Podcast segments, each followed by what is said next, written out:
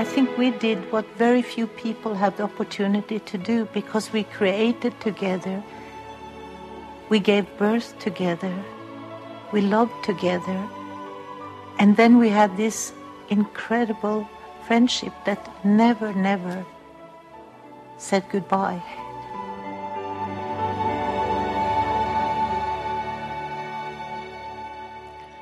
I den nye dokumentaren 'Liv og Ingmar' så forteller Liv Ullmann om det livslange forholdet til Ingmar Bergman.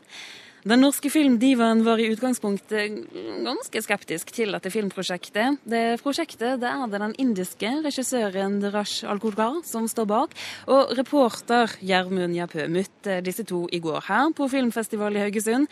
Og hun spurte Liv Ullmann om hvorfor hun valgte til slutt å si ja til å fortelle om forholdet til den svenske stjerneregissøren. Jeg takket nei og absolutt nei, og så sa produsenten ja, vi skal gjøre filmen, kan du ikke komme ned og møte regissøren? Ja, det er så ekkelt for han da, for jeg vil jo ikke gjøre det, men kom i alle fall. Og så kom jeg. Og du har jo møtt han. Han er varm og god og lyttende og fin. Og så sa han et par saker, så tenkte jeg vet du hva, jeg tror dette kan være en interessant og fin opplevelse for meg også. Og det har det vært fordi at jeg opplevde under de to dagene med intervjuer, så opplevde jeg saker som jeg ellers ikke ville hatt. Blant annet at jeg fant uh, uh, i en bamse som Ingmar hadde, som husholdersken som jobbet der, sa. Se oppi bamsen. Og der var det en liten lapp som jeg hadde skrevet til Ingmar for ti år siden, som han hadde gjemt på i bamsen.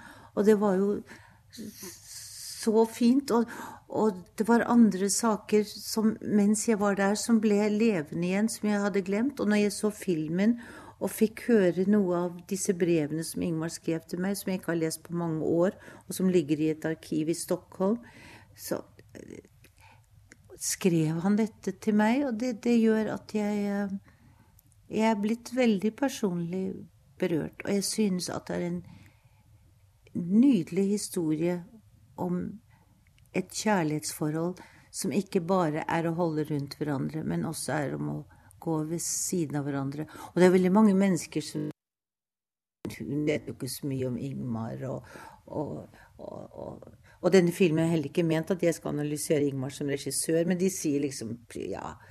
Det er godt for meg at en film forteller hvor, hvor viktig dette var for oss begge. Uh, Dirash, why did you want to make this movie?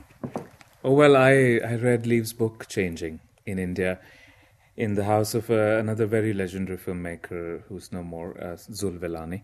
And um, I, I felt that the book uh, really spoke to me. It's one of the most beautiful books I have read, and it's still on my nightstand.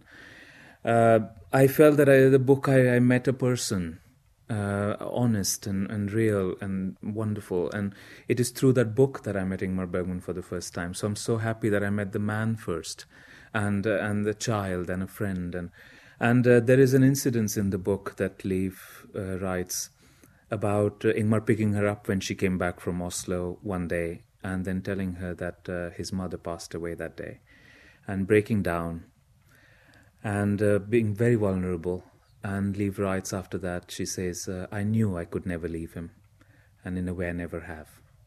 And that started the film. Så Dirash sier altså at det er gjennom bøkenes verden og det Liv har skrevet om Ingmar, som fikk han til å ville lage, lage denne filmen. Uh, as we heard Liv say, uh, she was reluctant to, to make this movie. How did you approach her to, to uh, get her to open up?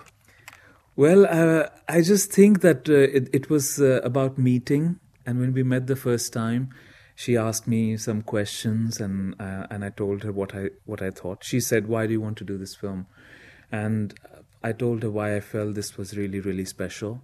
Um, you don't walk uh, 42 years with another person without loving that person in some way. You don't make 12 films. You don't have a child together. You don't make a home together. Uh, you don't feel an intuition that I have to go see him now because something is happening. Uh, you don't save letters, little notes uh, from a person in your most personal toys. You don't make diaries on books, uh, on, on uh, doors, uh, and, and save those diaries. And, you know, I say this that she's in the last frame of his last film. This is special It doesn't happen to everyone. And and uh, I felt that in that meeting, um, yes, I, I felt connected to her. I, I felt that I, yes, we could do this, and she said yes, and I was so happy. Diraj sier altså at han opplever at de fikk en spesiell kontakt sammen da de møtte hverandre, han og, han og Liv Ullmann. Jeg kan jo spørre deg også, Liv. Eh, hvordan var det for deg? Var det ubehagelig å grave fram disse gamle minnene? Nei, det synes jeg ikke. Jeg syns at det var ganske fint. To fine dager på Fårö, og, og igjen bli spurt om kanskje ikke så mye om den tiden jeg levet der. Fordi han brukte jo mye av radioopptak som jeg hadde gjort før fra forandringen. Men de årene som kom etterpå, og kanskje noen refleksjoner som jeg hadde når han viste meg noen bilder og sånn, refleksjoner som jeg hadde Nei, det var ikke ubehagelig. Og jeg har ikke den redselen for å være åpen, men jeg har en redsel for å være åpen når når folk kanskje ikke forstår hva jeg sier, eller hvis jeg uttrykker meg klosset, og jeg da kjenner meg eh, litt sånn forutmyket, for de bare ser litt undrende på meg, det kjente jeg aldri med ham. Diraj leaves uh, stories intertwined with clips from Bergman's film, leaving the impression that they were highly autobiographical. Uh, in, your in your opinion, were they? I absolutely think so. I think every great artist writes his life in his art. Uh, you see that in Edvard Munch, you see that in Da Vinci, you see that uh, in uh, in an actor, in a musician, in a in a director. Uh, is that you are trying to resolve something that you have lived. You're trying to relive it. You're trying to find redemption. You're trying to figure out, oh, what if this was a life? You are constantly, um, uh, Strindberg has done this, Ibsen has done this. Uh, you're constantly uh, presenting your art in some form of disguise.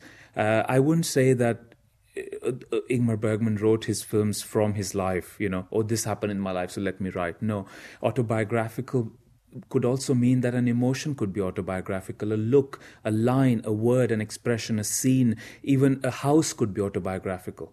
So it is not as obvious, perhaps, but it is there. It's absolutely there. Uh, and uh, yes, I totally believe.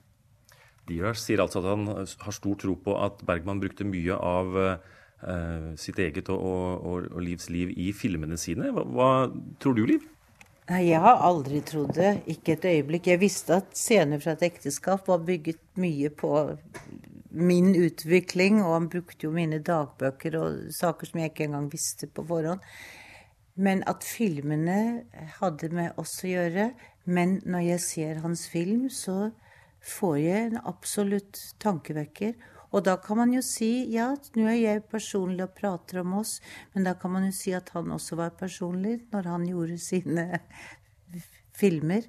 Jeg vet ikke om det er sant, men jeg har fått meg en tankestiller, ja. Helt til sist, Liv. Du sier i filmen at du er lei av at folk stadig spør deg om Ingmar Bergman. Men med denne filmen så gjør du det vel strengt tatt bare verre for deg selv? ja, jeg gjør det. Men altså, jeg er ikke så lei av det. Og jeg skjønner jo at de gjør det. Jeg skjønner jo at de gjør det.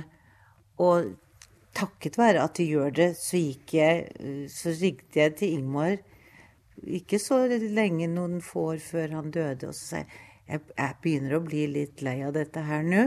Og du er stor og genial, og jeg er kanskje ikke så genial som deg, men hvorfor må de alltid snakke om deg? Og så tok han den pausen, og så sa han, Liv, du skjønner ikke det, du. Du er min Stradivarius. Så etter det så er det helt greit for meg å snakke om Ingmar. Og reporter her, det var Gjermund Jabé.